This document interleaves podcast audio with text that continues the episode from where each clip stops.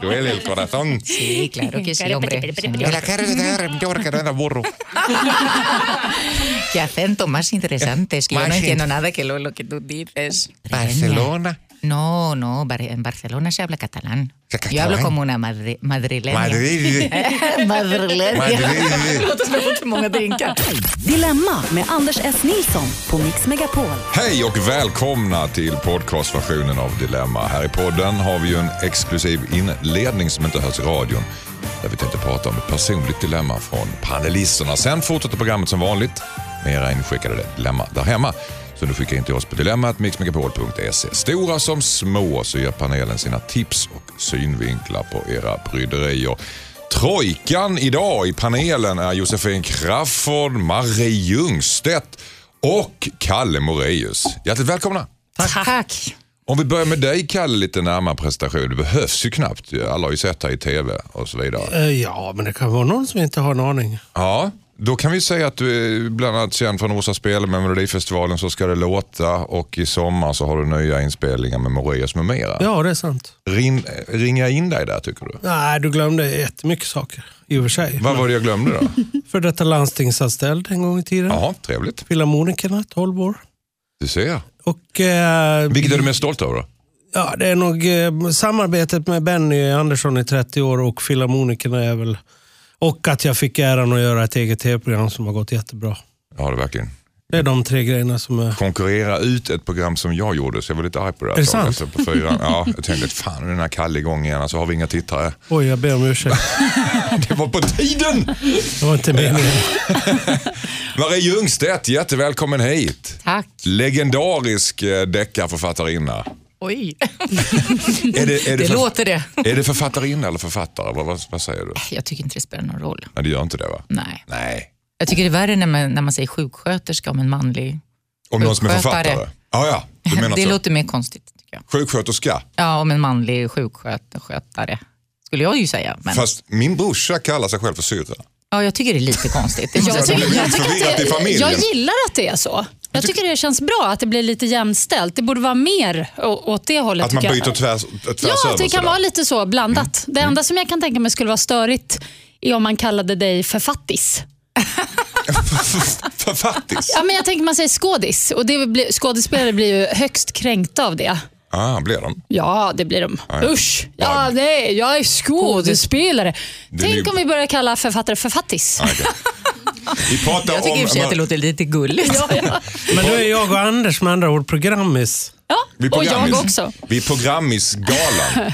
Fast, eh, ja. Nej, det är konstigt. nej, ja, ja. Hörrni, eh, jag ska säga, innan, jag pratar om Marie Ljungstedt och Jossan tar över. Hon gör Förlåt. ofta det. Eh, Marie, du, du är aktuell med boken Det förlovade landet. Yes. Ja, från Gran Canaria-serien. Mm. Ja. Eh, Jossan, ja. svensk pop, ihop med Josefin och din podd. Mm. Och du klipper liksom in i samtalen, har vi hört.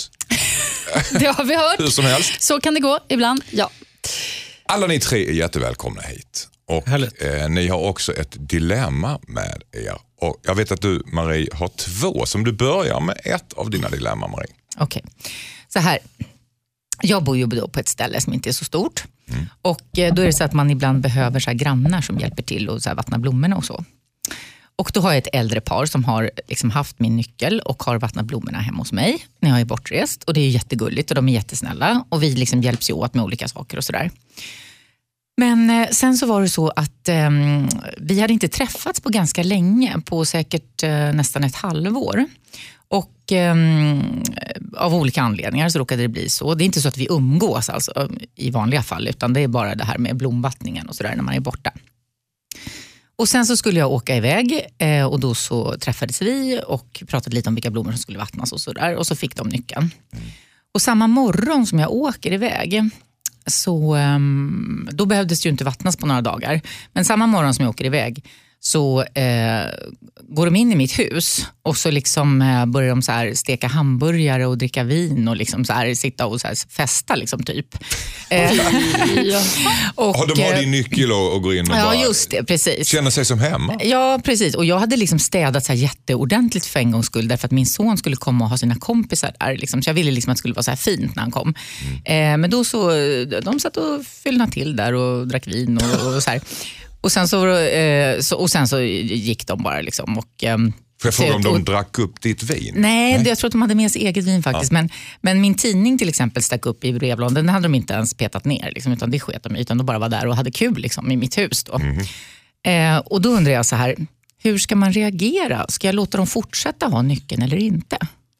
Och det, vad- det som ligger i potten är att även om de går in och steker hamburgare och dricker vin i din lägenhet så fixar de blommorna i alla fall. Ja, det nej, det var ju det de inte Det- gjorde. nej, För de lät ju tidningen sitta kvar och sticka upp i brevlådan. Liksom, så det, Okej. det brydde de sig inte om. Så det finns ingen vinstlott där någonstans? Så jag undrar, jag undrar så här, ska man, eh, hur ska man reagera på det här? Liksom, ska man låta dem få nyckeln eller inte? Vad säger Kalle Moraeus? Nej, alltså jag, jag, har, jag är exakt sådana grannar själv. Eh, skillnaden är att de, är, de säger till mig att du får lov att åka och handla nu för att det, det börjar bli tomt i sk- kylskåpet. och, och då får man ju köpa på liksom bra grejer. Då. Det Du gör vara- det alltså? Ja, naturligtvis. De är där och tar hand om mitt liv när jag är borta. Det är väl klart som fasen att de... Det, du, det är många kalas eh, som är eh, hemma hos mig när jag är inte där. Är så, Jag köpte nämligen en sån här, jag köpte en sån här övervakningskamera som man kan ha på, på, över wifi bara. ja. Sån här enkel sak.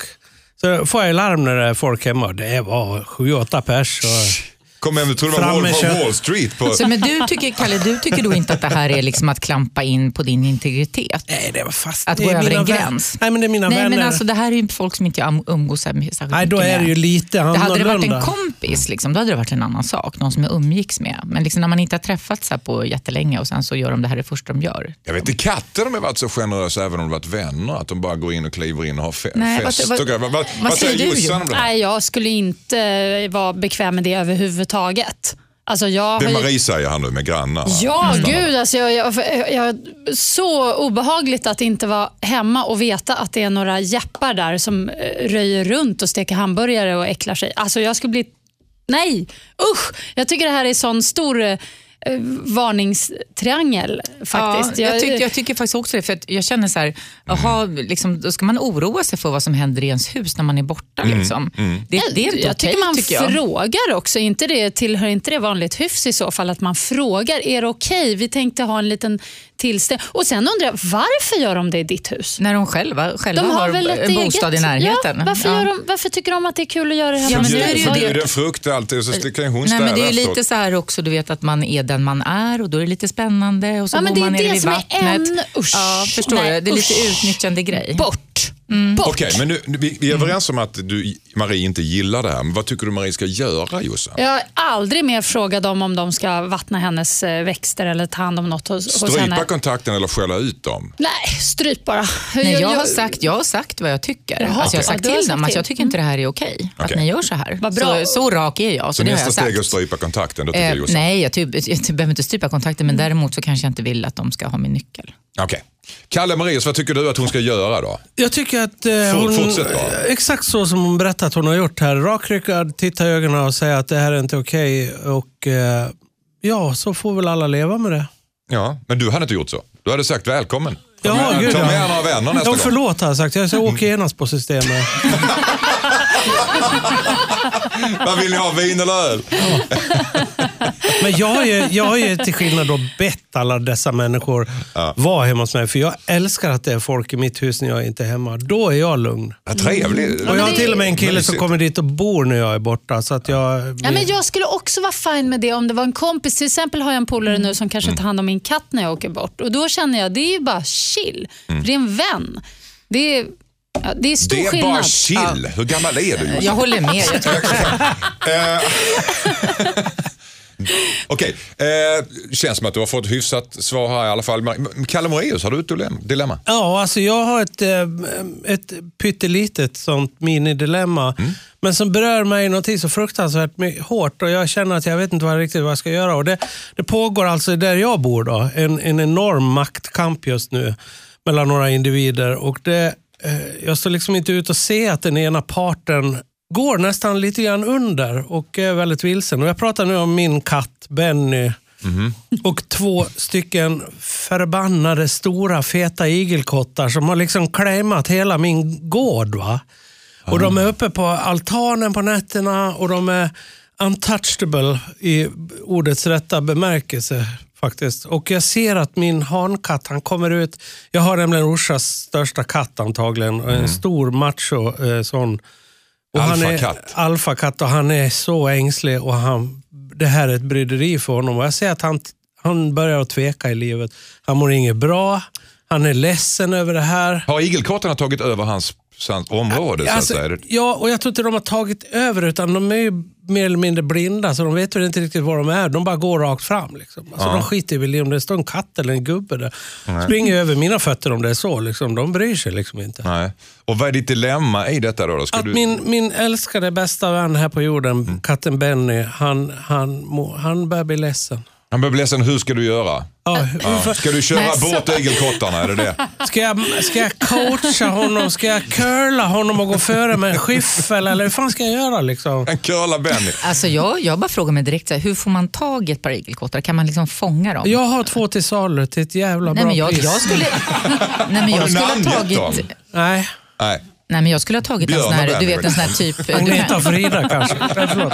Du skulle, förlåt, vad sa du? Nej, men alltså, jag skulle ha gjort så här, jag tycker det inte är så himla svårt. Har du någon sorts här kattbur, du vet, så här transportbur, då skulle jag på så här, locka in igelkottarna i den där transportburen och sen skulle jag ta bilen och köra liksom, så här, typ, eh, några kilometer Men bort. tänk om de har barn där någonstans. Nej då. Så kan du det, det hade du sett dem i så fall. Nej, det hade du- det hade du Bort med igelkottarna och låt katten få tillbaka sitt revir. Det är vad jag säger. Mm. Helt kallt bara, ta äh, igelkottarna, stoppa Ja, men in dem i de mår ju bilen och inte dåligt Nej, av det. Det, du jag säger att jag ska curla honom med andra Jag ord. tycker alltså. inte det är att curla. Det är att du tar ansvar för din katt. Och igelkottarna bryr sig inte om de bor liksom några kilometer längre bort eller inte. Nej, de ser ju ingenting, de är blinda så du. Ja, jag tror det. Det är bara själva ja. transporten och det är väl inte så farligt. Och så är han ut med dem bara. Nej, de tror att de är hemma även i Lätt som en plätt.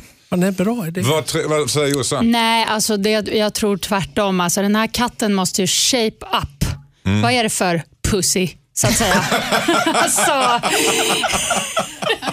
Men han är gammal och ängslig. ja, men han är gammal och ängslig. Men vet, du vet hur det är med gamla pensionärer. De behöver också liksom livas upp ibland. De, de måste ruskas om för att känna att de har fortfarande krafter kvar. Den här katten måste ut där bland igelkottarna och ta för sig.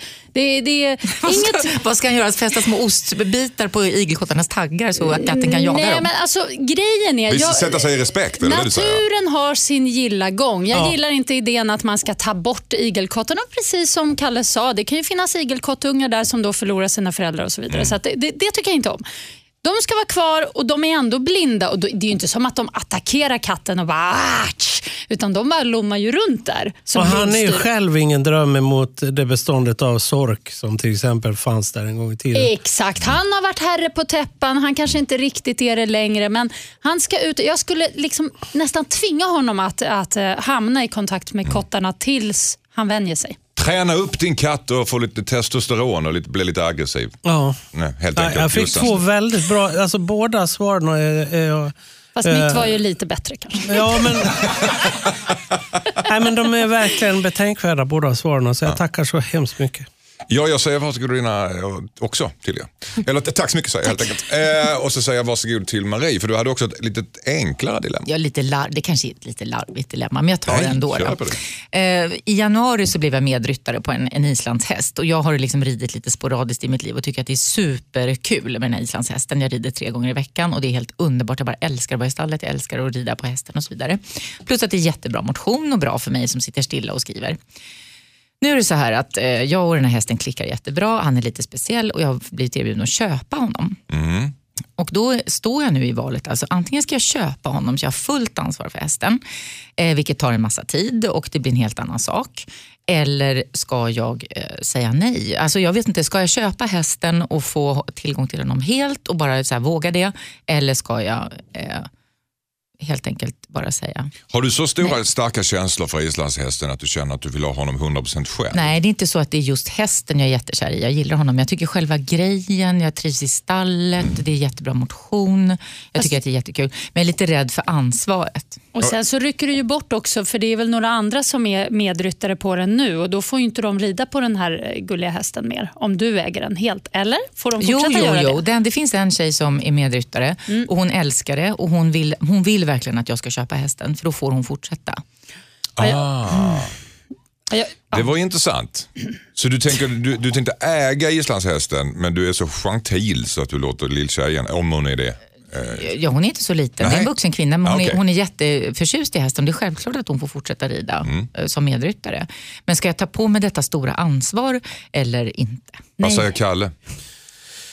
Ja, du kanske skulle ta och köpa nio hästar till eh, tillsammans med den där så du får tio hästar och då tror jag det kan bli en, eh, en eh, plantskola för unga människor som får komma dit och rida. För jag tror att du skulle få hur lätt som helst att få en massa medryttare på dina hästar. Jag tror inte du ska vara orolig för det alls. Ja. Du kanske ska starta Du ridskola? menar att jag ska sluta Ja. skriva böcker och starta ridskola istället? Nej, men du måste ju ha någonting på fritiden att göra mer än att bara åka dit och rida. Med Jo, men vänta, jag glömde nämna en detalj. Jag blir med valp också samtidigt. Du blir med valp samtidigt som du eventuellt blir en med häst det, också. precis. Ja. Vad säger Jossan? Nej, alltså för mig är det klockrent. Köp inte hästen. Eh, för det första, så jag är inte ett jättestort fan av hästar. De är jättestora och de har pyttesmå hjärnor. Eh, och det, de. I är- förhållande till, ja, det, det, till, I förhållande till sig själva. Så det, Mm. Hjärnan är lika stor som en valnöt. jo, Vad har du? Det får du googla fram där. Nu, Så är det. Nu står du och killgissar här. nej det är sant. Alltså, det är stora konstiga djur som, som man inte vet vad man har. Sen nummer två, man känner sig ägd av ägande. Det är min teori och det här har jag kommit fram till ganska nyligen. Ju mer du äger, desto mer ägd känner du dig.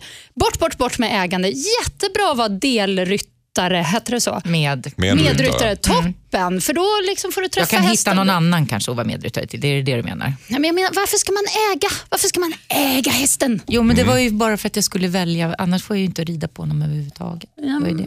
Jaha, så du får inte du rida alls om du Nej, inte köper den? nej. Nej, Var det så? så Då blir han det. ju såld någon annanstans till Ja, du någon annan så. människa Ah. långt borta. Oj då. Då förlorar jag hela grejen. Det Nej, det. men jag tycker ändå inte du ska göra det. Nej, Jag står fast vid det. släpp hästen tycker Jossan och köp nio till tycker Moderaterna. Det känns som att ni är, Härligt, det är ni ytterligheter här. är, verkligen står några mil ifrån varandra. Tack så jättemycket för era fina dilemman. Nu är det dags för era inskickade dilemman där hemma. Hejsan Dilemmapanelen, jag heter Veronica. För ett par år sedan flyttade vi in i min mans föräldrahem. Eftersom det är en skogsfastighet och hans föräldrar fortfarande behöver klyva och hämta ved så gav vi dem en nyckel för att de skulle kunna använda toaletten och göra kaffe när de är här. De är pensionärer och tyvärr verkar de inte förstå att det inte är deras hus längre. Dagligen hittar jag spår av att de har varit hemma hos oss när vi har varit på jobbet. De har plockat ur diskmaskinen, hängt tvätt och lagt in rena kläder i garderoben. Jag vet att det bara är av välmening men det känns som ett intrång. Det är som att de låtsas bo här när vi inte är hemma. Jag har sagt till svärmor att hon inte ska tvätta och städa hemma hos oss men hon viftar bort det och säger det gör jag så gärna.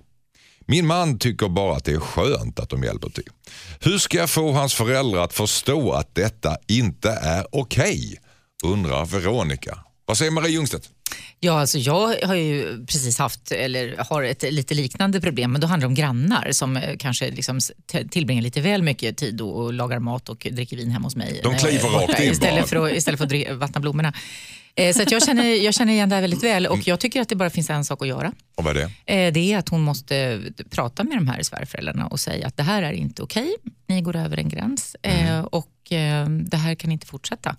Så att eh, antingen så får de förstå det eller också får, får eh, de inte ha någon nyckel. Fast Och så får de hämta son- ved och klyva ved när, när hon och hennes man är hemma helt enkelt. Fast deras son tycker att det är jätteskönt. De Ja, alltså först, och främst, först och- främst, får hon väl prata med, med honom ordentligt. Så att de är, egentligen är ju det det bästa, så de är ett enat team. Och inte göra en stor konflikt av det, utan bara säga snällt och vänligt att det är jättegulligt att ni gör det här, men vi, vi känner oss inte bekväma med det, så vi vill inte det. Punkt slut. Jag känner mig inte bekväm med det och min man hänger liksom på. Eller typ. Vad säger Jossan? Nej, alltså i det här fallet så tror jag att man helt enkelt måste förstå situationen. Det här har ju varit föräldrarnas hem till att börja med. Och Det är vanskligt redan där att välja att flytta in i ens föräldrars gamla hem. Där, får man, där är det lite skylla sig själv. Det är lite ta fan Ja, det håller jag verkligen med om. Ja, lite så. Sen känner jag att varför inte utnyttja detta istället? Alltså använd dem som eh, tjänstefolk. Eh, låt dem eh, plocka, fixa, dona. Bo i källaren. Nej, men de, kan väl, de, de kan väl kanske smyga in önskemål och Ja, kan ni ta, ta det ett tag med dammsugaren på nedervåningen också imorgon så vore det toppen. Liksom att man, det är ju perfekt. Som tjänste-Jon, dina gamla svärföräldrar. Ja, varför inte? Alltså se det positiva i det. Så. Ja. För jag tror att de, det kan vara svårt att, att få Men de här, de, här, de här kommer ju äta sig in. Nej, men det där är faktiskt en riktigt bra idé tycker jag. För då, då Mm. lägger man på dem så många uppgifter så att de tröttnar och så försvinner de av sig själva. Ja, då kanske Smart. de gör det till slut. Kalle Moraeus, vad säger du? Alltså jag blir jävligt imponerad Jossan. Du är helt inne på rätt linje tycker jag. Jag håller fullständigt med dig. Men alltså, det finns en klyscha här. Vill man ha förändring ska man inte förändra alla andra utan man ska förändra sig själv. Och jag tror att problematiken hos henne kanske, om hon bara tänker till lite grann, att eh, de kanske gör det här av jättekärlek. Den här svärmorsan kanske vet vilka helvete det är att hålla på med den här tvätten. Så får hon någon som tvättar så kanske hon ska vara jädrigt glad för det istället. Liksom, och, och försöka komma över. Det är ju inte heller för evigt. Utan det är ju en, en ganska kort period i livet. Du som tror man att de är så pass gamla så att Nej, men du alltså, ska jag men- hoppas att de ramlar av pinn snart? Jag, Eller? jag förlåter mig lite rakt fram där, men alltså... Ja, men då kan man ju, då kan man fråga sig, så här, jag, jag tror det handlar inte bara om det här att åh vad skönt jag får dammsugat hemma, utan det är, vad gör de där svärföräldrarna egentligen? Börjar de gå i deras lådor? man Mm, vet vet ju man inte vad de har för hemligheter i lådorna. Vill man verkligen det? Jag Kan verkligen förstå den här, den här tjejen. Jag tycker Jo, så här, lite integritetsgrej, Nej är men vänta, jag, jag måste faktiskt säga att visst Josefin, jättebra och roligt på många sätt, men jag tycker ändå så här, Visst, det har varit deras hem. So what? Nu är det vi som bor här. Och det måste man respektera. Mm. Hur tror ni det är att- deras liv. Hur tar svärföräldrarna det här och de säger det rakt ut? Det spelar ingen roll tycker jag hur de tar det. Det får de ta ansvar för själva. Jag tror de blir jätteledsna. Ja, då får de bli det säger jag. Ja, faktiskt. Ja, för Det- det, det är deras hem. Det är, jag hann inte prata klart det, men jag menar bara hon måste göra upp med sig själv. Eh, eh, brevskrivaren här. Veronica. Att, att, ja, Veronica, vad, vad, vad, hur, hur, hur ska jag ta det här? Hon måste känna till det här bäst. Vad, vad gör bäst nytta? Antingen acceptera eller, eller verkligen så som du säger, att, att, eh, så att dra en gräns. Liksom. Jo, för det handlar ju faktiskt om hennes känslor och det är hur hon känner sig när det här händer. Och sen Och det, känslor man måste man respektera. Okej, Kalle och Marie tycker att ni ska ta det här med svärföräldrarna säger rakt upp och ner att det här är inte okej, ni går över en gräns. Jossan tycker använd dem som tjänstehjon helt enkelt. Ja, Och eh, dra nytta av hela den här situationen. Nej, men jag tycker Det det. är en vinstlott. Ja, och Okej. dessutom det, det är familj. Kom igen. Okej. The more the merrier. Hejsan Dilemmapanelen, jag heter Pierre. Jag och min flickvän har varit ihop i snart ett år och hon startar mer eller mindre en debatt om allt jag säger. Det kan vara saker som att jag gnäller på min chef. Då börjar hon försvara honom och argumentera för att min chef har ag- agerat rätt. Hon kan till och med argumentera för att jag väljer fel efterrätt när vi är ute och äter. Jag gillar att hon ifrågasätter mitt sätt att tänka ibland och vi kan ha diskussioner som jag gillar men det har gått för långt. Allt är debatt numera. Jag har pratat med henne om det här och hon har bett om ursäkt men det fortsätter. Jag orkar inte längre säga ifrån varje gång hon drar igång en debatt med mig. Ska jag behöva påminna henne tio gånger om dagen eller borde jag fundera på att träffa någon annan? Undrar Pierre. Vad säger Kalle Moraeus om detta? Ja, byt tjej. Du gillar inte det här? Nej, det verkar inte bli någon bättring där. Nej. Kan det inte vara kul att bli lite utmanad av någon sådär? Inte varje fråga- dag, varje sekund. Inte... Nej, nej, nej. nej. nej. Det tycker jag, det får ju vara nog. Hur, hur säger man det? Det är klart nu, nu får du lägga Ja, av. hej då. vid frukostbordet. så här. Ja. Ja, inga krusiduller. Tyst eller jag går. Jag vet inte om man ska vara, gö- göra det så enkelt. Jo, men jag gillar Kalle. Det är bra. Det är, Nej men alltså, det, ni, ni skrattar men jag är lite allvarlig också. Va? Ja, för att jag jag, tycker att, jag tycker att man ska vara rakt fram och man ska inte ge några utrymmen i en sån här situation. Man måste verkligen se till att, att personen i fråga verkligen fattar vad det är som händer. Mm. Och Då kanske man säger så här att jag måste, jag måste tyvärr ta en paus i det här förhållandet för jag pallar inte med det här. Mm. Och nu får, du vara en, eh, nu får du vara ensam i någon vecka och fundera på hur du ska göra för du måste verkligen ta tag i den här jävla situationen Mm. som är helt naturligtvis fullständigt enerverande att, att bli ifrågasatt för ta med fasen allting. Liksom. Jag skulle inte palla. Vad säger Marie Ljungstedt? Ja, jag, jag skulle vilja modifiera lite. Nu, nu lät det bättre tycker jag när du pratar om paus, för att du var väldigt hård där Men lite mer hej då. Jag tycker, att det, jag tycker att det handlar om, så här, dels vad känner han för henne? Är han liksom jätte, jätte, jättekär? Och sen måste man ju fråga sig, varför håller hon på så här? Vad beror det på? Jag tycker att det låter som att hon har väldigt dålig själv, självkänsla, självförtroende. Att hon liksom är osäker själv på något sätt. Och då, då blir det här liksom ett maner att hon ska hålla på och debattera om allting och ifrågasätta allting. Och det kan vara roligt som sagt var till en viss gräns, men inte hela tiden. Jag, jag tror att det beror på osäkerhet. Så att om de kan prata om orsakerna till det så kanske hon kan ändra sitt beteende.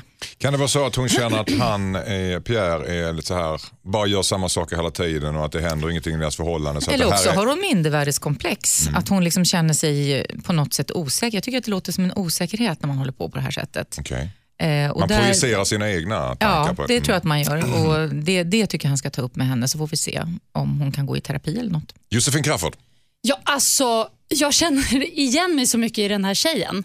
du gör sådär när du är ihop med någon. Ja, men det här är så klassiskt i mina relationer att jag tycker att jag har så här härliga diskussioner med mina män och de tror att jag bråkar med dem.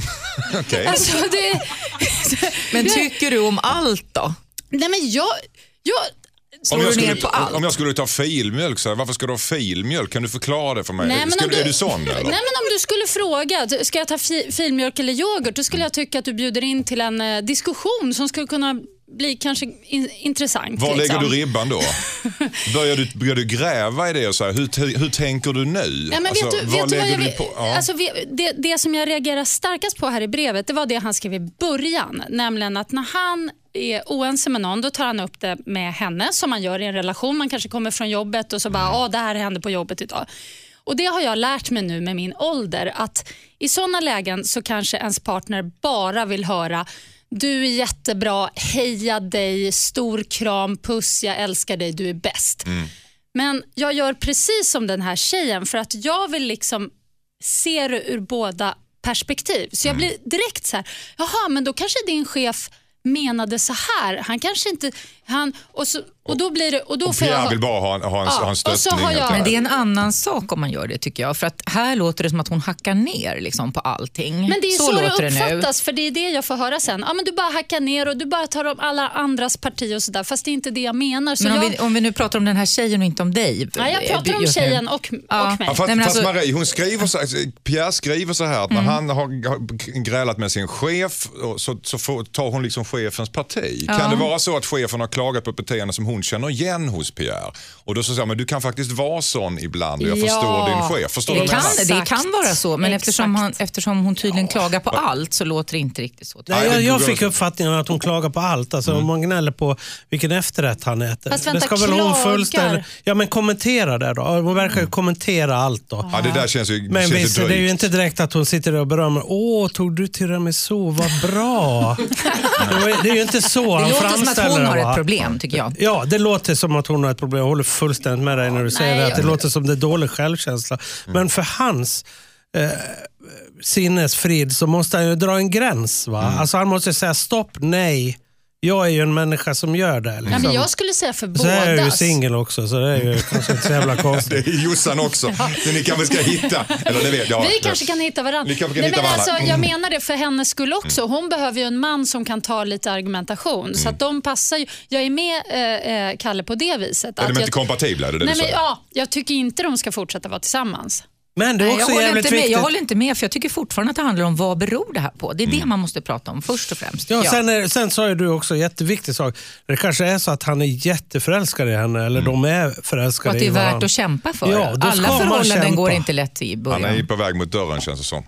Okej, ta, upp, ta upp det här med henne, var ungefär det jag kommer fram till efter det sammelsuriet. Och eh, Jossan förstår eh, din tjej. Ja, det. jag gör ju det. Så, och försök förstå henne lite också. Ja. Hejsan Dilemmapanelen, jag heter Thomas. Min chef snor mina idéer och presenterar dem som hennes egna. Jag jobbar på en marknadsföringsavdelning och min närmaste chef har flera gånger presenterat idéer till våra högre chefer och sagt att jag har hjälpt till men att det är hennes plan. En gång benämnde jag en av mina idéer som just min idé men då rättade hon mig och sa att vi kom på den tillsammans. Ingen annan på jobbet verkar ha samma problem. Å andra sidan kommer inte alla mina kollegor på lika många idéer som jag. Jag är rädd för att gå till högsta chefen och berätta det här. De har jobbat ihop länge och umgås privat. Jag känner mig som en dålig teamplayer men jag stör mig otroligt på att jag inte får beröm för mina idéer. Borde jag säga till högsta chefen att min närmsta chef snor mina idéer? Marie Ljungstedt, vad säger du? Glasklart, tycker Mm. jag. Det är självklart att han ska göra det. Det här är helt oacceptabelt. Och nu vet inte jag hur många idéer det handlar om, men det låter som att det är ett antal i alla fall. Man kan gissa på kanske det är typ tio idéer, kanske ännu mer. Eh, det här går ju inte, utan det här måste han ta upp med högsta chefen, tycker jag. Det spelar ingen roll vad de har för umgänge, utan han måste berätta det här, absolut. Det här är oacceptabelt. Jossan, vad säger du? Nej, alltså, jag ser det nog mer som att eh, om eh, personen här som har skrivit brevet var en han. Hon, Thomas. Han, han, Thomas ja. Chefen Eh, en hon, mellanchefen, högsta Okej. chefen, jag vet inte. Nej, men eh, då, då, då är man, man är ju en i gänget. Och eh, jag tror inte man kan vara så mycket, jag ska hålla på mitt, mitt, det här var min idé. Okej att få beröm, visst det är klart, men om det bara är själva berömmet som han vill åt, kan han inte klappa sig själv på axeln lite och bara, fan vad... Jag menar, Men han vill ha cred internt såklart. Så har han kommit på en idé och någon annan kommer säger att jag kom också på den idén, det är ju en lögn. Jo fast är det så noga? man är i samma rum Ja, men så, jag så tycker, är man inte, har man jag tycker på det är lite samma som, idé. alltså när jag var liten en gång, då ritade jag en häst faktiskt. Eh, och, så, Faktiskt. ja, men just av allt man kan rita. Och den, jag var jätteduktig på det. Och Sen så gick min eh, kompis, eller en, en på dagis, med min teckning till sin mamma och pappa och sa “Titta vad jag har ritat. Oj vad fin vad du är duktig”. Och Det här gjorde så ont i mig, jag kommer ihåg.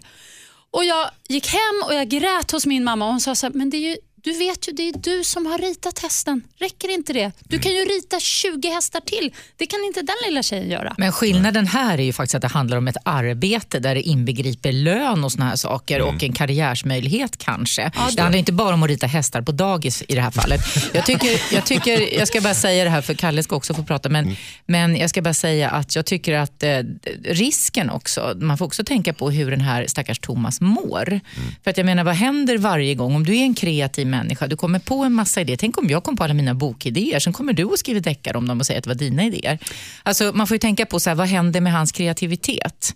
Han kanske faktiskt mår dåligt och slutar att få de här idéerna och blir, hans karriär liksom bara d- d- Jo, dalar fast de är av. ju ett team. Då Det tycker jag handlar- att han nej, kan de är ju inget team, för hon är ju inte det minsta teammänniska, den här chefen. Nej, men alltså- hon struntar ju fullkomligt i honom. Kalle Moraeus. Ja, alltså jag känner så här. Thomas, för fan ta och ryck upp det lite nu. Alltså. Och, och nu, nu är det så här, du får ju bli lite jävla stridsmart. Liksom. Alltså, du måste ju skydda dina idéer. Du kan ju inte hålla på och vräka upp dem och ge dem tillgängliga i den, i den, i den eh, mån som det här verkar ske. Liksom. Utan du måste ju, om man har en idé så ser jag ju det som, det är ju din komposition eller din idé. Det, det är ju bara din och då ska du presentera den i den situationen så du verkligen får det här credit. Du måste ju, man måste ju se till att man har det Man får ju skydda sig själv och sina saker. Jag har varit med om det här flera gånger i livet. Liksom. Och det, det, till slut så blir man ju tyst och så får man välja sina tillfällen när man ska presentera saker och ting. Han ska, vänta till, han ska vänta högsta chefen är med helt enkelt på mötet. Ja, eller tills den här presentationen då som de pratar om kommer. Att då får Thomas säga, nej jag vill presentera den här idén, du får fan inte se den innan dess. Liksom. Kan Alltså, jag säga det rakt upp och ner till sin chef? Ja, det tycker jag absolut. För jag, jag ruttnar helt på Eller att så, du lo- är- eller så låtsas han att han inte har någon idé. Och så Ja, det eller, eller så överraskning. en urdålig idé kanske. Kan man inte Men tänka sig att han ger, henne, ger den här mellanchefen fel idé? En jättedålig idé. Och så presenterar hon den. Ja, exakt. Och så säger att, eller så skulle man kunna göra så här. Och så trycker han upp sin powerpoint. Exakt. Och Bra, lysande förslag.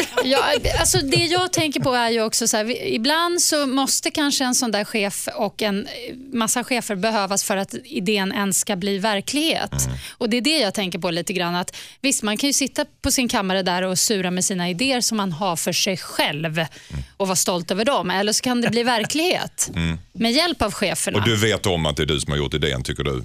Jag, jag tycker Thomas det. vet om att det är han som gjort idén och det räcker- ska räcka. Ja, eller så byter han jobb helt enkelt. Ja, det är en så bra får hon idé. Mm. stå där och kommer, helt plötsligt så har hon världens idétorka tydligen. Då. Mm, Hon kan ju inte komma på något själv. Nu är det drast, det drastiska Kalle som är igång igen. Ja, du, jag, blir, jag blir så Fast det förbannad. var ju i och för sig en bra idé. I mina ögon är hon en tjuv, helt Men enkelt. vems idé var det egentligen? Var det Kalles idé? Vem som- Men det var min idé. Hejsan Dilemmapanelen, jag heter igen. Jag har varit ihop med min kille i snart tio år. Vi har det bra i vårt förhållande men vårt sexliv börjar dö ut. Jag har börjat intressera mig för BDSM-sex, alltså lite tuffare tag i sängen. Jag övertalade min kille att testa en gång men han gillade det verkligen inte. Han säger att han inte tänker göra det igen, han vill bara ha vanligt sex. Jag känner mig uttråkad. Jag har föreslagit att vi kanske ska ha ett öppet förhållande. Det vill han inte. Men han har sagt att han kan gå med på det för att rädda vårt förhållande. Jag känner likadant men samtidigt är jag rädd för att jag kommer att bli förkrossad om han inte kommer hem en kväll. Borde vi ändå testa ett öppet förhållande undrar Marlene. Den här gör jag direkt till Kalle Moraeus. Ja, det kunde jag ge mig sjutton på att jag skulle få det. Jag sitter här, fick precis stängde mun här efter hakan har slagit i bordet. Vad sjutton ska jag svara på det? Jag tror ju inte liksom att ska man ha ett öppet förhållande måste det vara innerligt hjärtligt önskat av båda. Ja. För annars så kommer det att, att ha ihjäl någon av dem. Liksom. Alltså Mm. antagligen han då. Som kommer att gå under i en sån situation och ligga där hemma och tänka på att hon hänger på väggen någonstans. Nej, alltså, nej. Jag fattar inte det alltså. Hänger Ja, på väggen någonstans. jag har- Det är din bild av BDSM. Ja, men alltså, jag har fan ingen lösning på detta. Nej. Alltså. Vad säger Marie Ljungstedt? Ehm, nej men alltså, nu var det ju så att hon var ju också så här, tyckte också att det var obehagligt att tänka på att han skulle ligga i någon annan säng. Skrev Mm, ju. ja, inte komma hem på kvällen till och med. Ja, Mm. eh, jag tycker så här att eh, de flesta sexliv kräver ju lite extra ansträngning efter ett antal år. Det tror jag vi alla känner till. Och eh, Då måste man försöka mötas här tycker jag. Hon gillar det här lite hårdare tag och det gör uppenbarligen inte han. Eh, Det är tveksamt det här med öppet förhållande. Det verkar inte som att det kommer vara någon, någon lösning. Jag tror att de måste försöka hitta andra sexvarianter som inte är det här hårda. Det kanske är så att de, om de provar på lite allt möjligt tillsammans, tror jag. Tillsammans är nyckelordet här. Jag ska, jag. måste vi gå igenom det nu? Kan vi? Ja, men, du fick du en rak fråga Ja, av men Kalle alltså, här. ja, men liksom, de kan... lär mig lite. Ja, okej, all right. Here we go. Ställa på, ställa på alla fyra så ska Jag ser redan rubrikerna imorgon. Så här, Marie Ljungstedt ger Kalle Moraeus sex le- lektioner. Ja, I nej, radion också. I radio dessutom. The waste of... Utan att någon får se något. Nej då, men jag, jag säger bara så här att jag tycker man kan prova lite olika. Eh, sexuella aktiviteter. Sen behöver vi inte gå in på vilka kanske. Artikulera väldigt tydligt Men- Kalle utan att säga vad det var. Nej, men allt ifrån att man liksom försöker experimentera lite hemma tillsammans eller man kan bjuda in andra. Man kan göra vad sjuttsingen man vill, men bara man gör det tillsammans tror jag är en bra Mm. idé. För att, att det behöver någonting, behövs någonting nytt här, det är ju glasklart. Och Mm. eh, då tror jag att man får försöka hitta vägar där man tillsammans kan utveckla Kan man tänka sig att hon, hon lär honom en liten alltså, mjuk start på den här lite BDSM-vägen? Ja, och sen Lite kanske det är liten- så att hon behöver lite ny stimulans. Det kanske inte måste vara just det här. Om han nu inte tycker om det så kanske man kan försöka prova lite andra grejer. Finns det handbojor med sån här som är lite softare, mjuka, med, med muffar på? Vad, vad säger eh, Jossan? Ja, jag fnular och tänker och kommer fram till att eh, jag tror att hon ska skaffa sig en liten BDSM-lover vid sidan om, Ja. tycker jag. Och inte säga det till honom alltså? Nej, onödigt. Ehm, så får hon utlopp och testa det vidare lite grann. Antingen kommer hon då inse efter ett tag att ja, det här var kul en stund, det var en relativt god godis i godispåsen men nu är jag trött på den. Eller tillbaks. så blir hon fast i det och tycker det är fullständigt värdelöst att ha sex med sin man. Ja, och, och, och då kanske det är ett tecken på också att det är dags att eh, göra slut helt enkelt. Det är ju så, allting har eh, sin tid. Men eh, hon är ju sugen på den, den här grejen. Det är ju det hon vill ha. Så jag, är, jag tror inte på Maries eh, mellanväg där, utan jag tror att hon måste Ni få märker ut... ju att jag är FN-förhandlaren i den här. Jag är så här lösningsbenägen hela Det tiden. är ba- Ban Ki-Moon här. Ja, precis. Det här är bara en lite annan engelska. lös... Nej, men jag tror hon behöver utforska det lite mer, så att säga. Ja. Eh, på, på, på Skaffa dig en lover helt enkelt, det är det du säger. Ja, en BDSM. BDSM Eh, lover. ja, och, och utforska det området mer och se hur viktigt det är för dig. Det var mer så. Ta någon lite mjukare grej, testa lite alternativa Jag sexgrejer. försök man lösa det tillsammans ska jag tycka först och främst. Kalle vet fortfarande inte vad vi pratar om. Blanda inte in mig i det här nu.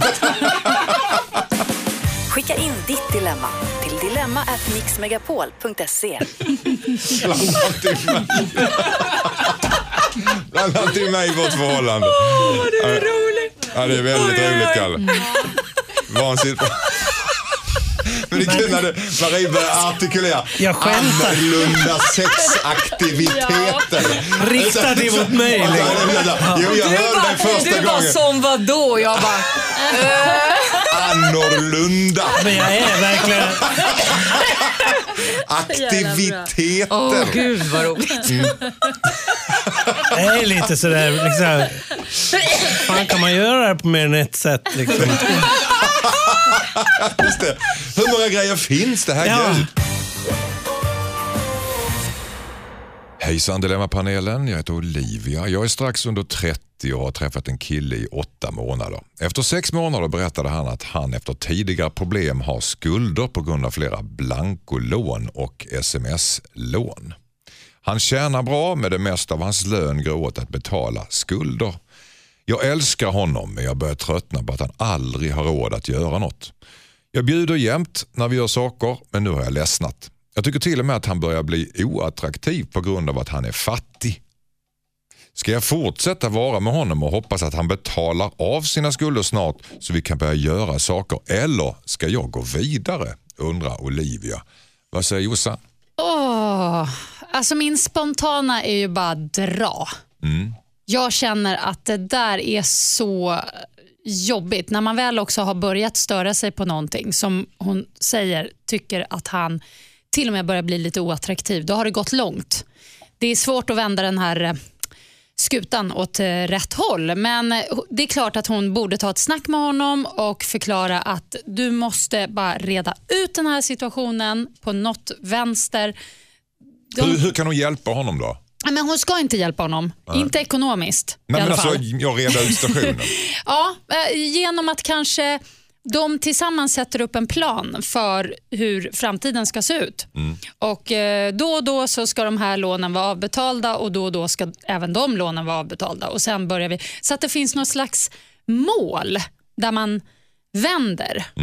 För annars kommer det här bara pågå. Det kommer bli se hon bara betala, betala, betala. Och Han, äh, jag har inga pengar. Ö, det blir jättesegt. Det går inte. Vad säger Kalle Moraeus?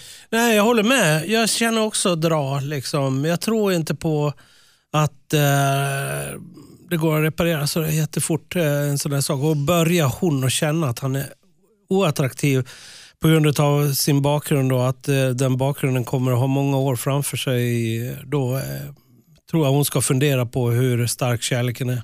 Hon skriver att hon tycker han börjar bli inattraktiv för att han är fattig.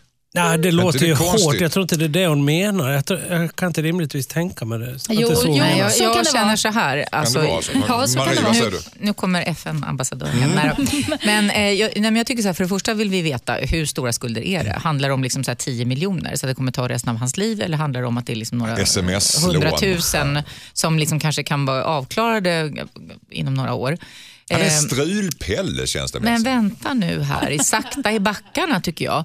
Om vi lyssnar på brevet så skriver hon ju ändå att han betalar av det här varje månad. Han kanske kämpar som ett djur för att kunna betala de här skulderna. Och det kanske inte alls är, är så. Han har haft det lite otur. Kan, det kan vara så menar jag.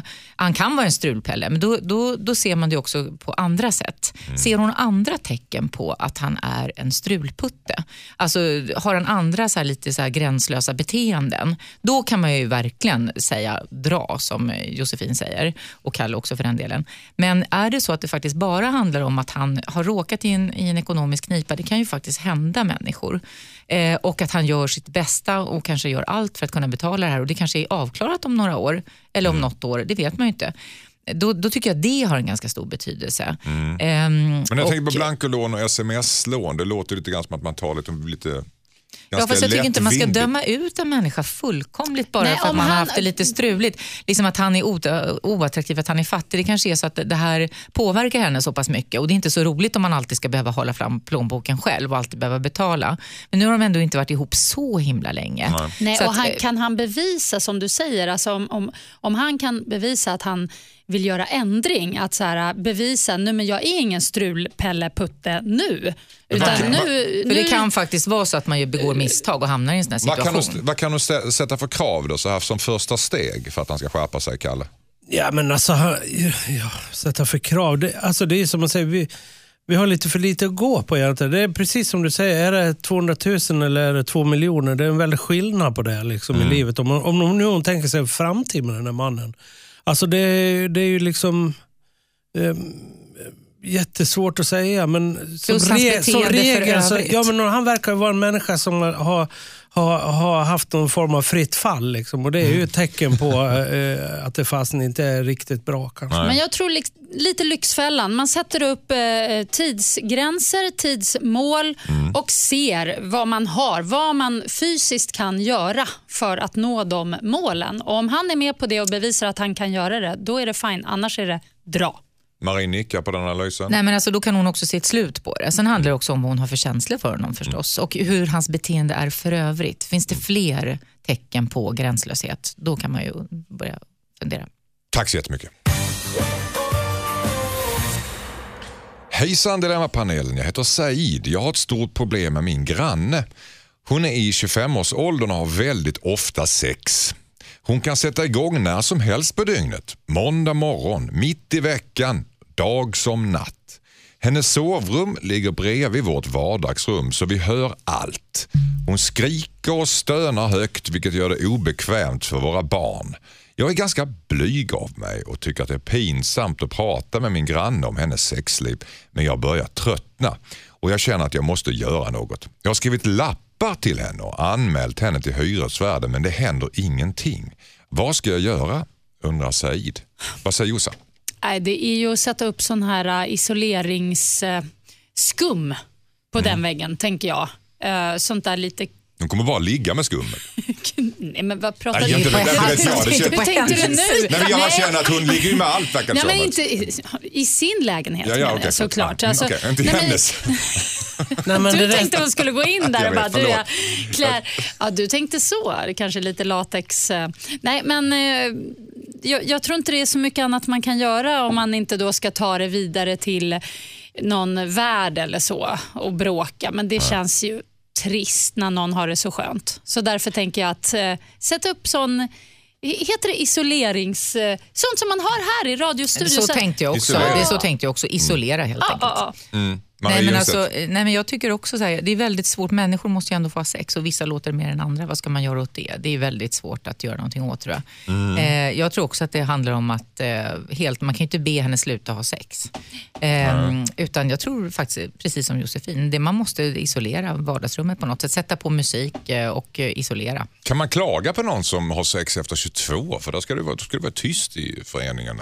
Nej, jag tycker inte man kan göra det. Människor måste ju få leva. Ska man, ska man klaga på eh, människor som skrattar eller som sjunger? Eller, eller liksom... kan ringa störningsjouren, det gör de när de spelar musik ju. Ja, nej, jag tycker inte man kan göra det i det här fallet. Nej. Vad säger Kalle Moraeus? Nej, men jag vet hur de ska göra. De ska ställa sig och eh, normalt sett så kan man ju finna en rytm när någon har sex, eller några har sex. Man känner att det finns en rytm och det finns... Man Fan, det säkert- svänger där. Ja, det svänger. Och då hänger man på den rytmen och så slår man i väggen samma rytm. Till slut så kommer det här oväsendet inifrån Saids lägenhet och fortplantar sig in till den här kvinnan där hon är. Och det kommer vara så jävla störande att varenda gång hon har sex så bultar de i takt i väggen och hejar på. Liksom. Hörru du, får jag bara säga en sak där, eh, Kalle? Vet du vad som är ännu bättre? Nej.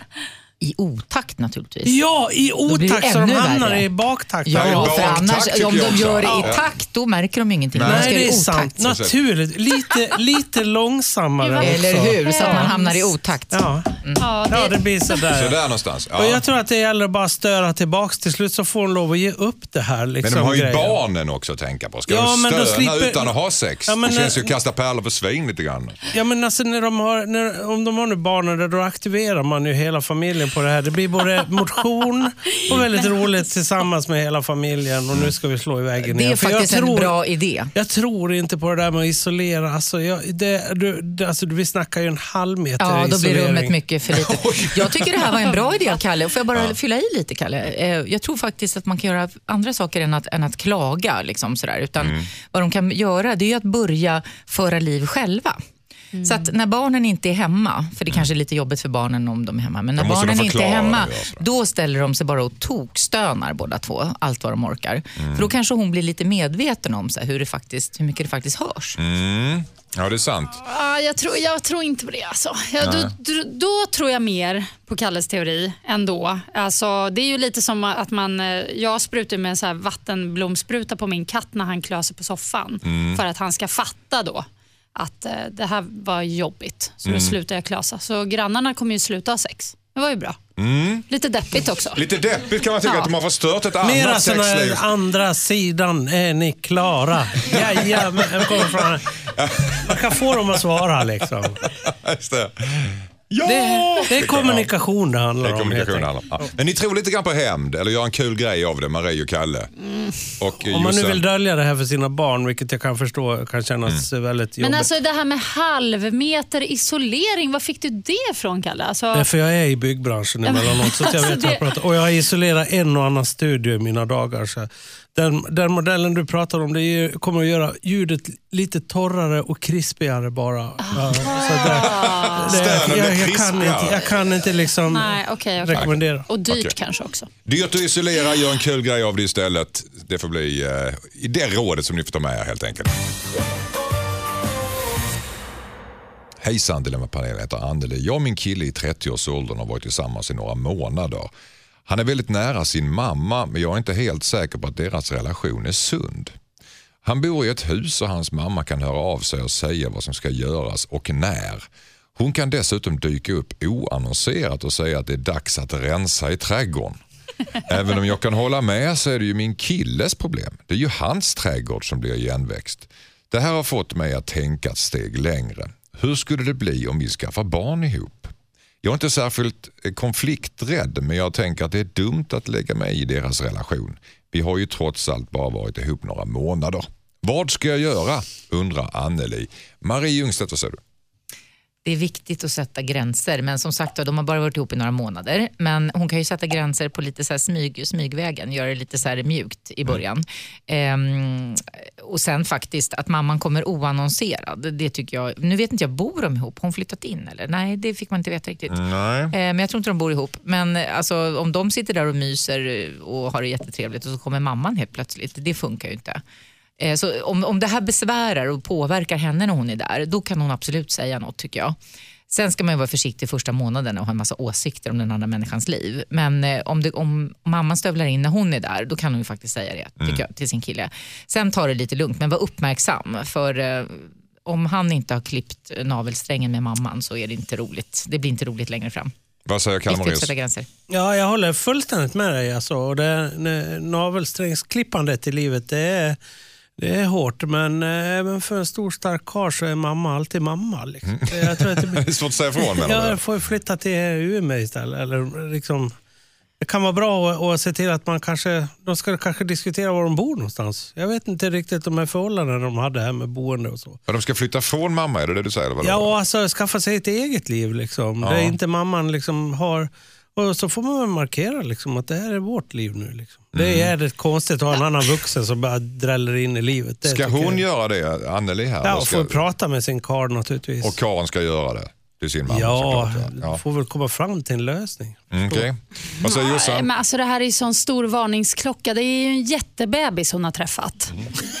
Det är, ja, usch. Jag känner så här, han accepterar ju uppenbarligen att mamma är där och, och säger till och donar och liksom eh, puttar honom framåt. Och det, usch, det är inte okej. Jag var ihop med en göteborgare en gång som hade morsan på övervåningen och som tog hand om eh, hans tvätt och så. Jäkligt osexigt måste jag säga. Så Ja, men- stek han tycker jag. Jag tycker nu tycker jag du överdriver. Nu tänker du på din egen erfarenhet. att han är en jättebebis. Det kanske är så här att hon håller på så här och han har inte direkt besvärats av det. Men om hon bara gör honom uppmärksam på det så kanske han bara säger ja, men du har rätt. Och så löser de det. Ja, Så lite du vet- sakta i backarna där, va? Okej, eh, så jag vet inte. Ge, ge, ge den här stackars mannen en chans åtminstone. Men du dömer honom direkt, det är en jättebebis. Ja, ta, ta det lugnt jävligt snabbt. Jag vänder på det här nu där, i det här dilemmat. Jag, jag känner att det här är svårt. Ehm, Var på din vakt är det du säger? Ja, men det är faktiskt det. Och jag, Mm. jag tror att just den här, så här navelsträngen, den är så jävla seg. Alltså. Den är svår att klippa. Men, Men, eh, kan ge honom en sax i julklapp varje år. Han försöker bita av dem en Som en liten sån påminnelse om att ska vi nu då? Nu, är- nu är det dags. men alltså så hemskt att vara tjej i en relation där man måste genast gå in och så här styra upp. Mm. Gud vad tråkigt. Det vill inte jag vara med om i alla fall. Tack och lov att jag inte är ihop med honom. Men är det en fin present till jul att, att ge henne en symbolisk sax? Ja, Att ge honom en en symbolisk sax? stor sax. En stor sax. Nu klipper vi den här Ja. tillsammans. Ja. Nej, men som sagt, som att han är en bebis. Nej, nej, nej. nej. Jag tycker hon, hon ska dra. Alltså, gå vidare. Men han, Gå vidare. alla Ta- män är väl bebisar någonstans? Det så?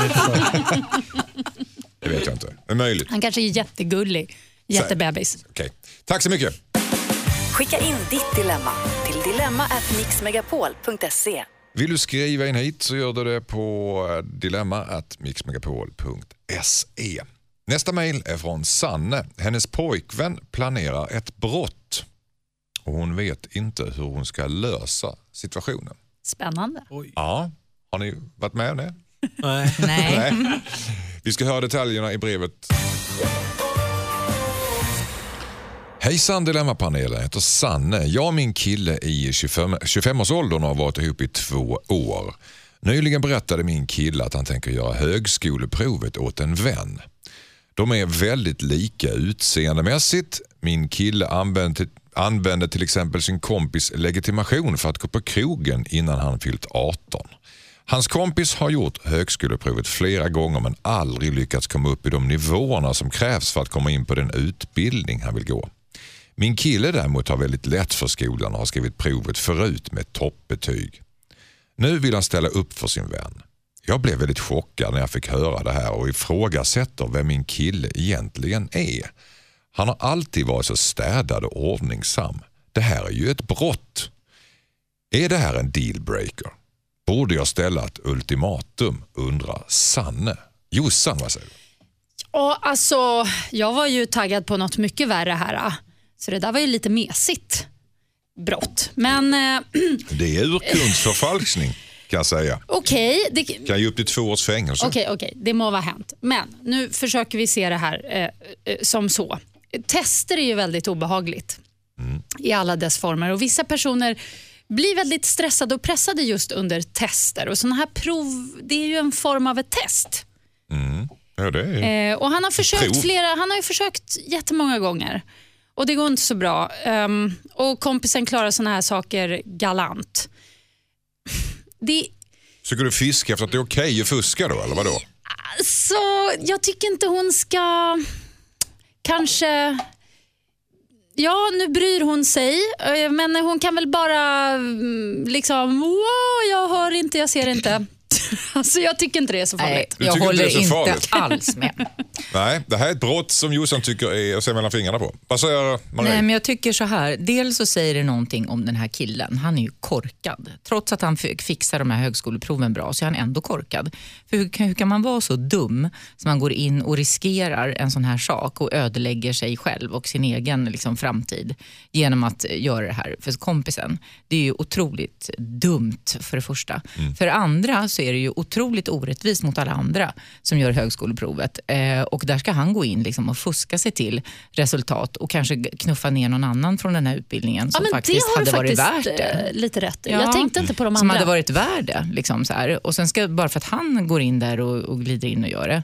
Eh, Jag tycker det här säger rätt mycket om den här killen. Eh, Jag tycker faktiskt, faktiskt att han verkar rätt blåst. Jag skulle, den här gången är det jag som säger dra. Oj! Nej, men i alla fall, jag skulle absolut sätta ett ultimatum.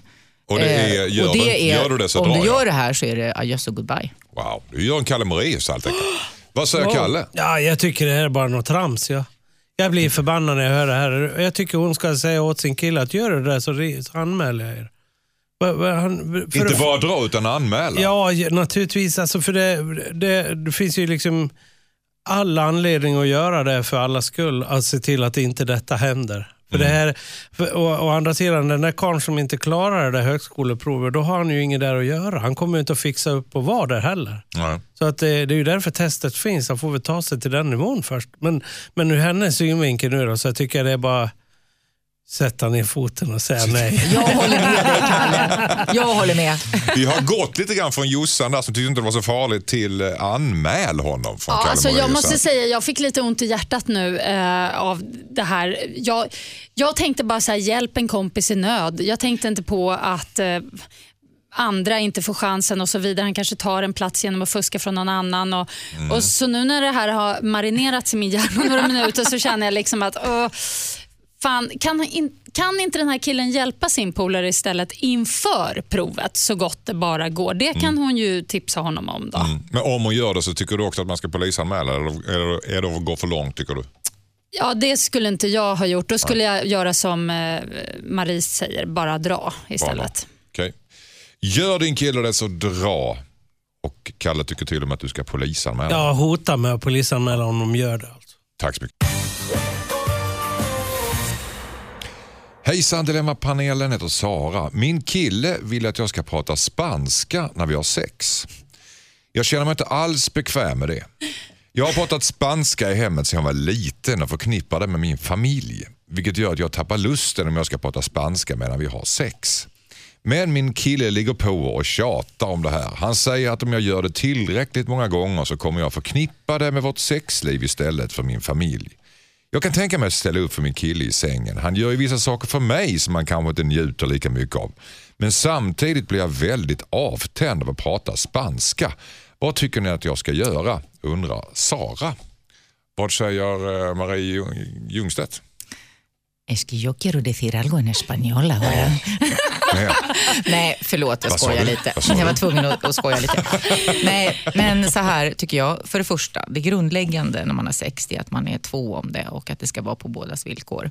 Om inte hon tycker det här är roligt och hon blir avtänd, då ska hon inte göra det, tycker jag.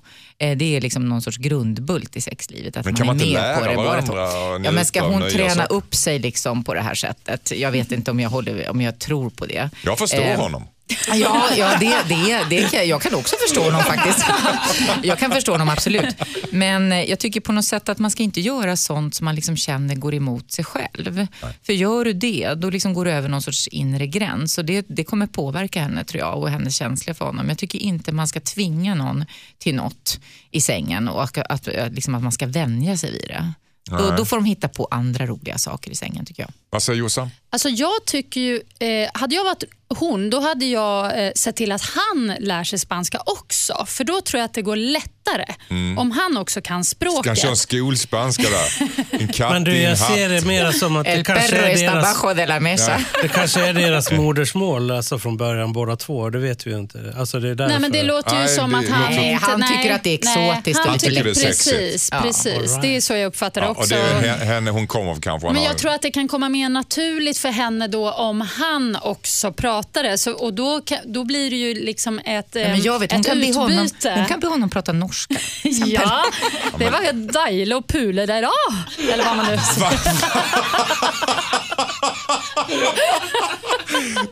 Men hur kul är det att ha sex med någon som pratar bebisspanska? Bebisspanska. Nej men du vet såhär nybörjarspanska. Jo men då har ju han... Jag tycker gott. Men kolla, Alltså, då det har han lagt manken till. Då tycker jag att hon kan bjucka på lite Mm. sån där Marie Han kanske ska ram, rabbla prepositioner eller något sånt där. Ja, precis. Dra men det multiplikationstabeller. handlar om att ge och ta liksom. Jag, jag, Alltså, fatt, jag fattar inte alls det här. Alltså, Gör du inte? Nej. Spanska i sängen, har du ja, aldrig upplevt nej, det när Kalle? det finns finska. Liksom. Alltså, det är, det, Nej! och är jag riktigt jävla het då vill jag ha tyska i sängen. Det är liksom... Och du gillar inte BDSM? Nej, men... Det är, det, det är liksom lite, det hänger ju ihop på något sätt va? Ja, du hör ju själv. Nej, alltså jag, jag, jag, jag, jag håller fullständigt med dig när du säger att det, det måste vara frivilligt det som händer där.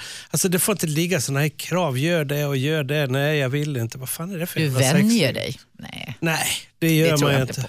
Nej, men det finns det en hårfin gräns där på samtidigt som man ska respektera varandras vilja i sängen och sådana små androligheter så ska man ju också Han ska sluta testa nya fråga. grejer ihop Ja, men det är det jag menar. Jag tycker, jag, tycker det, nej, men jag tycker det låter på honom som att han, eftersom det är så tydligt här att hon inte vill och hon börjar tänka på sin familj och liksom blir helt avtänd. Mm. Hon säger det väldigt tydligt. Då ty, jag tycker Det är klart att man ska ge och ta. Man kanske Mm. inte tycker allt är fantastiskt som den andra vill, men man gör det för att man, liksom, man ger och tar helt Mm. enkelt. Och Det kan man göra. Men här är hon ju så tydlig med att hon blir helt avtänd. Då måste man ta det på allvar tycker jag. Mm. Och då kanske de får hitta, Han vill ju uppenbarligen ha lite spänning. Då får de väl hitta på andra spännande saker tillsammans som båda kan acceptera. Men tänk om det tar slut mellan dem och så träffar hon en het spanjor. Som, då måste hon ju prata spanska, eller ska hon fortsätta prata svenska Men det är en annan då? sak, för det, vad det handlar om är att han vill att hon ska spela lite teater. Det är det som hon vänder Det är sig därför mot. att jag menar att han ska vara med i teatern och också prata spanska. Jag tycker det är en utmärkt lösning. Men du måste lägga upp på spansk-kurs först för Ja, att få ligga Men det är det inte så tror han han blir- vet Spanska du är ett av de lättaste språken att lära sig faktiskt. Ja, men då blir han, kommer han bli avtänd, för det är inte det han vill. Han vill att hon ska vara en exotisk, liksom, Precis. så här. det är det För, det handlar första om. veckorna kommer han ligga där och fråga hur tar jag mig till stationen. det, det, det är konstigt tycker jag. Och hon svarar på spanska det är runt ett, två kilometer sen till vänster. Ja. Och han kommer att tycka att det är kanon. Ja, sen är det klart. Är klart ju. Men då kommer ju hon ha väldigt kul i alla fall, Ja. även om hon inte är Och så så roligt i sängen. jäkla... Ja, då har de kul. Hon Härligt. kanske inte är så kåt, men roligt i alla fall. Vi har löst det. Tack så jättemycket. Skicka in ditt dilemma till dilemma@mixmegapol.se. Tack för att ni kom panelen. Tack, Tack så mycket. Tack för att vi fick komma. Tack Kalle Moraeus. Har du hämtat dig från BDSM-snacket här? Nej, jag, sitter, jag ska hem och googla direkt. Ja, Han ska, han ska hem och sätta ner foten, tror jag. just det. Det kan vara en del av På BDSM. någon ja. Men, Så, så speciellt. Oj, oj, oj. Marie Ljungstedt, tack så jättemycket för att du kom hit och försökte förklara för Ja, jag gjorde mitt bästa, alltså, men jag tycker inte han var så mottaglig. Nej, verkligen faktiskt. inte. Vi får ta det där i enrum. Så. Ändå så, som du artikulerade så fint. Mm. Utan egentligen att säga någonting. Jag försökte vara tydlig. Och sen du där hemma mejlar in dina dilemman till dilemmatmixmegapol.se. Vi byter ut ditt namn så att du kan vara anonym. Nästa helg är vi tillbaka igen med nya dilemman. Då har vi Farao Groth, Shirley Clamp och Johan Pettersson i panelen. Ha nu en skön söndag. Vi härifrån säger Hej!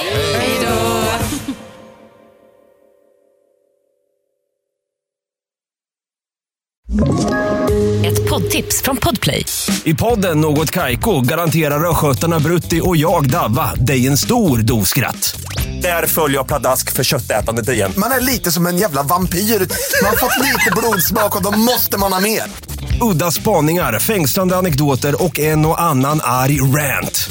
Jag måste ha mitt kaffe på morgonen för annars är jag ingen trevlig människa. Då är du ingen trevlig människa, punkt. Något Kaiko, hör du på Podplay. Därför är gardinerna.